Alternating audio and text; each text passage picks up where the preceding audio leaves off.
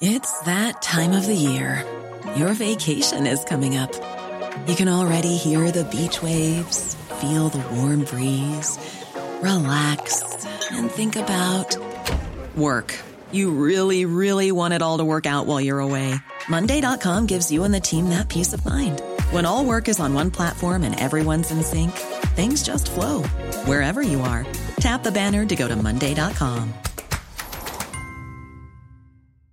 Hey, I'm Ryan Reynolds. Recently, I asked Mint Mobile's legal team if big wireless companies are allowed to raise prices due to inflation. They said yes. And then when I asked if raising prices technically violates those onerous two year contracts, they said, What the f are you talking about, you insane Hollywood ass?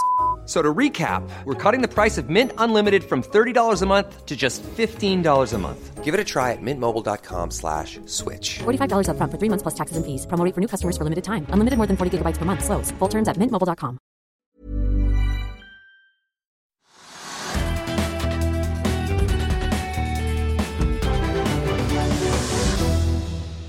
Velkommen til Økonominyhetene. I dag skal vi se nærmere på DNB-porteføljen. Vi skal også få teknisk analyse av Doff, men vi begynner med, og vi skal se selvfølgelig nærmere på USA, Asia og Europabørsen. Men vi begynner her hjemme, og vi er ned 0,1% i dag. Trygve. Det er ikke sånn voldsomme utfall med tanke på hvordan Wall Street sluttet forrige uke, men det har jo vært skriverier også om handelsuro denne helgen. Ja, altså Markedet i Europa er jo ned mellom 1 og 2 så det er en kraftig nedgang på de europeiske børsene. Og det at Oslo Børs da er bare ned litt, altså 0,1 eller 0,2 nesten litt overraskende. Men det skyldes sannsynligvis at uh, oljeprisen da fra helgen, altså fra fredag til, til, til i dag tidlig, holdt seg ganske bra og gikk opp. Vi har hatt en økning i oljeprisen over helgen til 63 dollar for lettoljen og 73 dollar for brentoljen. Og så har det falt litt i løpet av dagen til kvart dollar eller sånn, per fat. Men det henger nok igjen da på det norske, norske markedet at liksom oljeprisen er på vei oppover. Og veldig mange tror at oljeprisen skal fortsette oppover. Og det er grunner for det, sier man. Og da, da blir presset på de såkalte oljeaksjene lite, og det får et bitte lite fall både på E- Equinor og på Aker BP. Da, vi har jo hørt at eh, Saudi-Arabia og andre OPEC-land søndag signaliserte at de var villige til å fortsette sitt produksjonskutt. Ja, det tror jeg de kommer til å gjøre også. De har sagt at eh, de, har, de regulerer nå tilbudssiden ned for å få prisen opp, og det har virket. Og Saudi-Arabia trenger en ganske høy oljepris for å få budsjettene gå i balanse, sier man. Så de fortsetter med sin politikk, og de går ikke fra den avtalen de har med OPEC-landet, pluss Russland og noen andre land. De regulerer tilbudssiden. Og så har jo Donald Trump sagt da tidligere at uh, han vil at oljeprisen skal ned. han vil ha lavere bensinpriser. ja, han vil ha lavere bensinpriser for han ha oljeprisen ned, men det har ikke Saudi-Arabia og de andre landene hørt på så langt. Prisen har da tikket oppover hele tiden. Og så kommer da det siste som har skjedd i helgen, uh, hvor da Donald Trump, uh, i konflikt med Iran, så blir han mer og mer aggressiv. Disse krigsskipene som ligger da nede i Gulfen osv., som er på en måte en trussel, et angrepsvåpen mot Iran. Og så sier jo han da det at hvis eh, Iran vil ha krig med oss, så må de gjerne få det, men da blir det ikke noe igjen av Iran, sier han omtrent. Ja, helt, uh, Hvis vi skal sitere han eh, korrekt, eller ordrett, så kan vi Ja. si at hvis Iran vil slåss, vil det være den offisielle slutten på Iran. Aldri true USA igjen. Nei, og det, det, det, bør ikke, det bør ikke en president si, men nå er ikke Donald Trump en normal president, så han har sagt det, og da tenker verden og markedene at det kan jo tenkes, Man kan ikke utelukke at det virkelig blir en krig da med Iran, og at disse amerikanske krigsskipene som ligger klare, kan bombe Iran osv. Hvis det skulle skje, så vil jo da transporten av olje ut til Hormuzstredet bli, bli blokkert av Iran. Og det vil få oljeprisen rett opp. og det er det markedene liksom tenker seg at Hvis Trump tillater seg å true på den måten, så må det liksom kanskje være noe i det. Det kan kanskje bli en konflikt, og da vil oljeprisen gå opp. Og det, ja, Da vil det kanskje være bra for AS Norge, men for resten av verden vil det ikke være bra.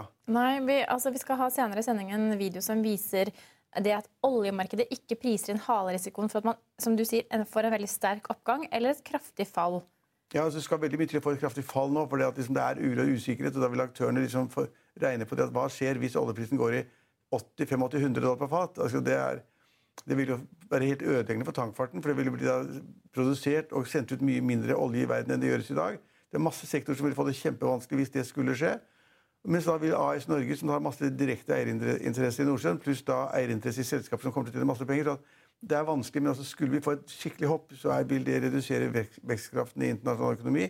Veksten vil gå ned, handelen vil gå ned, alle vil tjene mindre penger. Det er ikke noe bra i det hele tatt. Men akkurat nå så er da på en måte en vurderingen den at det ser litt skummelt ut, for at Trump driver og truer på den måten. Ja, og, og når vi da er inne, altså, Det virker som at mye står og faller på Donald Trump. En kjent forvalter i Norge, Stig Myrseth, han mener at Donald Trump har en umettelig risikopolitikk. Hva tenker du om det? Er du enig? Jo, ja, jeg tror ikke helt han skjønner hva han gjør. Altså, fordi det er klart at Alt hva Donald Trump sier, måles jo på gullvekt. Hvert komma, hvert ord, hvert bokstav måles. Og han, tror ikke han, helt, Da han sa den gangen at oljeprisen skal ned, så skjedde jo ikke det. Det fikk ikke oljeprisen ned. Nå sier han at, det, at vi kan gjerne gå til krig hvis han tuller med oss. og Da blir det ikke noe igjen av Iran. Da, skal, det er liksom krig, og så er det ingenting igjen av Iran. Så han, han, bruker veldig tøffe ord. og Jeg tror han undervurderer effekten på det internasjonale samfunnet. og Derfor så ser vi da at de europeiske børsene i dag de, de, de har startet ned 1 -2, eller ligget ned 1-2 hele dagen. De amerikanske børsene startet, når vi startet sendingen, så startet også de amerikanske børsene litt ned. Det er usikkerhet, og det er ikke bra.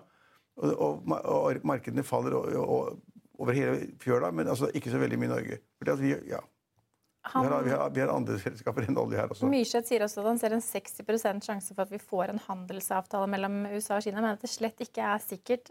Tør du å spå noen prosentsjanse, eller er det 50-50? Eller heller du mot null? Nei, det tør jeg ikke si noe om, for det er så vanskelig. Plutselig så kan det komme til en avtale ved at to ledere møtes, eller utenriksministeren møtes, eller at Trump sier et eller annet. Eller, altså, det er helt umulig å se. Eh, jeg tror eller håper at det blir en handelsavtale, at de finner frem til tollsatser som begge landene kan leve med. For da har man noe å regne på og på en måte forstå. Men akkurat nå så er det helt, sånn, helt åpen hva som skjer. Og, og Trump utsetter da stadig vekk noen av de verste truslene om å øke tollen på en del varer, bl.a. biler og annet. Så utsetter han det for å se liksom om hva man kan få til, og hva kineserne bøyer seg for. Men kineserne er ikke veldig kjent for å bøye av. Eller, de, altså de, de, vil jo ikke ta på ansikt. Så at hele den der handelsbiten, handelsavtalen mellom USA og Kina, den er ikke løst i det hele tatt. Ikke i det hele tatt. Og så får du da oljeprisutspillene på toppen av det, så er det, det er ikke bra. Vi kan likevel, eh, vi har jo vært gjennom de store trekkene, men for å trekke frem noen enkeltaksjer da, Vi har jo hatt, eh, Kina har opphevet eksportforbudet mot tre norske lakseselskaper. er da Nordlaks, Lerøy Seafood og SalMar. Altså Både Lerøy Seafood og SalMar var litt opp tidligere i dag, men er nå ned 1,1 og 0,6% mens Movi er opp 3% er opp, Ja, den var i hvert fall ikke opp Ja, nå er den opp eh, Ja, den er vel opp 1,7 mye var det? 1,7% ja, okay. Den er iallfall kraftig opp. Jeg skjønner, ja, den, altså, Det selskapet er jo ikke direkte uh, berørt av det de nå sier. Men det, det, det som er på det underliggende her, er det at liksom, eksporten av laks fra Norge til Kina den kommer til å gå. Og De har opprettet en egen lakserute med fly, har de ikke det? Et kinesisk selskap som skal bare fly laks frem og tilbake. Det blir veldig mye laks til i Kina, og da er da Movi er da verdens største produsent. Og vil sannsynligvis også ha glede av det. og Derfor er den aksjen opp, og så de andre var opp, og så har det falt litt tilbake. Vi også, kan også nevne Scatec Solar. Det har egentlig ikke vært noen store uh, selskaphendelser, men DNB Markets, uh, som vi snart skal få se porteføljen til, har tatt aksjen inn i porteføljen, og det sender da Scatec Solar opp 4,5 ja, Det er jo et sunt og godt selskap. De tjener penger og gjør riktige ting. Ja, hvis vi skal tro Preben Rask-Olsen og at han ikke har forandret seg siden han sto på investordagen for et par år tilbake, så var det vel der du skulle putte eh, pengene til barna hvis du skulle spare til deres fremtidige ja. Til å legge solpaneler. Ja. ja. Men uh, vi snakket om Norwegian, Norwegian forrige torsdag. Da var uh, aksjen opp nesten 14 Endte ja. vel opp dagen 13,8% Men i dag er aksjen ned 4,5% Ja, så Aksjen gikk jo opp da til 41 kroner. Uh, og de som husker det var at Disse smartinvestorene de gikk jo inn på 48 kroner. slik at alle andre har vært inne på en mye høyere kurs. Eh, og så smalt den opp fordi det kom en melding som vi snakket om i en spansk avis om at det nok fantes kjøpere der ute som ville gå inn og ta, ta andeler i Norwegian. Det har vi ikke sett noe til. Det kan ha vært en plantet uh, fake-melding. Og det kan være noen som da ikke helt har forstått hva som foregår, eller bare at de gjerne vil skrive et eller annet. Men i alle fall, markedet da gikk opp 13-14 til 41 kroner per aksje. Og I dag har aksjen vært nede i 38 kroner, dvs. Si at det falt på 4-5 Og så må vi huske det at i løpet av, i, på slutten av forrige uke så var da aksjen ned til 34 kroner på det verste. Ja, og nå står den vel i 38,3 kroner ja, etter dagens fall. Men, men, ikke noen reaksjoner på den artikkelen i, den spanske avisen? Nei, det var vel en analytiker som sa at han mente at IAG ikke hadde lagt Norwegian i skuffen ja. enda, Men hvis man skulle ja, se på Norwegian Hvilken som megler kan si sånn tull? ikke sant? Vi vet jo ikke da, liksom, hva, hvor godt ryktet er, hva han funderer på, eller om det bare sitter en tulling og skriver det. Men kan man si det slik, er Norwegian god, et, et, bedre oppkjøpskandidat nå med den prisingen de har i dag, enn den de hadde forrige sommer? Ja, det er et kjempegodt spørsmål. Det tør jeg ikke svare på. Det vet jeg ikke. Det eneste jeg vet, er at det kommer stadig negative meldinger om alle flyselskapene som er rammet av denne 737-skandalen. Max-flyet som er satt på bakken. og da, At, at flyselskapene kommer til å tappe mye mer penger. at eh, de begynner ikke å fly igjen i juni eller august. De begynner å fly i, slutt, nei, ja, i juni-juli, men begynner å fly i august i beste fall. Og at det kommer konflikter mellom flyselskaper som skal saksøke Boeing. og så er det da Kina kanskje ikke vil kjøpe et eneste Boeing-fly, som er på en måte en del av handelskrigen mellom USA. er så mye usikkerhet med de flyene at jeg vil ikke satse på det i det hele tatt. Og det er klart at Norwegian kan komme godt ut av det hvis de får prisene litt opp, hvis de driver litt billigere, får kostnadene ned. Og hvis de kommer ut av den eh, skrullete saken med Boeing på en skikkelig måte, og kanskje får erstatning av Boeing. Men hvis Boeing sier at det, her får dere ikke et fem øre av oss, alt dette kunne dere forutsett selv, alt dette kunne ordnet selv, da er Norwegian sammen med mange andre selskaper ille ute. Ja.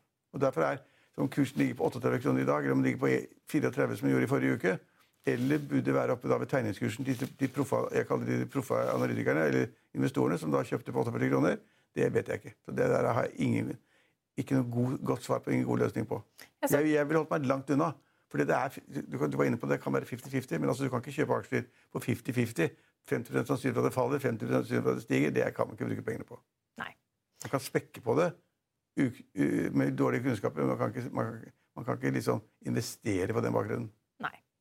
Eh, vi kan også ta med oss at Telenor stiger eh, faktisk nesten 3 i dag, Trygve. Er det noen årsak til det? Ikke som, det... om, ikke, som jeg vet om, Nei, ikke i det hele tatt. Og øverst på vinnerlisten så finner vi bl.a. Element, mens Seasons og en rekke andre aksjer topper taperlisten. Ja, men vi fant, ja, det vi også så, var at Solstad har vært en av vinnerne i dag, vært opp 9% Og det er jo dette supply-selskaper med veldig kjente investorer som da Som har vært i samtale med obligasjonseiere over lengre tid? Og holdt på lenge. Og, men Fredriksen og Røkke er liksom blant hovedaksjonærene. Men det som, er, det som, har ført til at aksjen er litt opp i dag, det er det at det har kommet melding om da at uh, selskapet har tegnet, eller utøvet opsjoner, kontrakter, på Equinor. Som skal bruke flere av deres skip i et år fremover. Og det syns markedet er bra, selvfølgelig. For det betyr at det skjer noe i selskapet. Men om det er verdt aksjen eller prisingen, det har jeg ikke peiling på. Det er så komplisert og så vanskelig å finne ut hva den aksjen er verdt. Det vil jeg ikke si noe om. Men, det, men det, er en av vinnerne. Og sammen med eh, Solstad så har vi også da Bonheur, som er Fred Olsen-familiens eierselskap i deres forskjellige virksomheter, enten det er cruise for Kanariøyene eller Europa eller andre selskaper, og var også eierandelen i, i, i, i Fred Olsen Energy. Uh, den også vinner, og hvorfor har ikke peiling.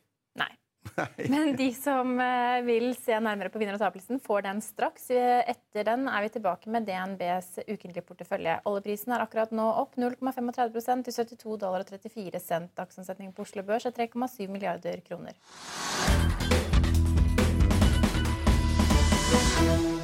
I Finansvisen i morgen kan du lese Trygve Hegnars, leder av Miljøpartiet De Grønne, gjør det stadig vanskeligere å være bilist i Oslo at First Walter Thomas Nilsen er bull på eiendom i Sverige og tror på sterk leieprisvekst fremover, og at det lanseres en ny børs for bruktbiler i Norge. Vi minner om at du kan høre våre børskommentarer og gjesteintervjuer på Hegnarpodden.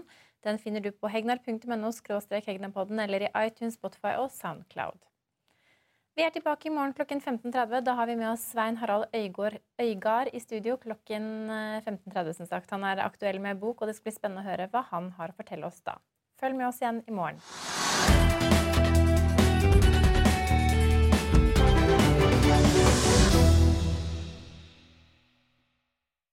Økonominyhetene er en podkast fra Finansavisen. Programledere er Marius Lorentzen, Stein Ove Haugen og Benedikte Storm Bamvik. Produsenter er Lars Brenden Skram og Bashar Johar. Og ansvarlig redaktør er Trygve Hegnar.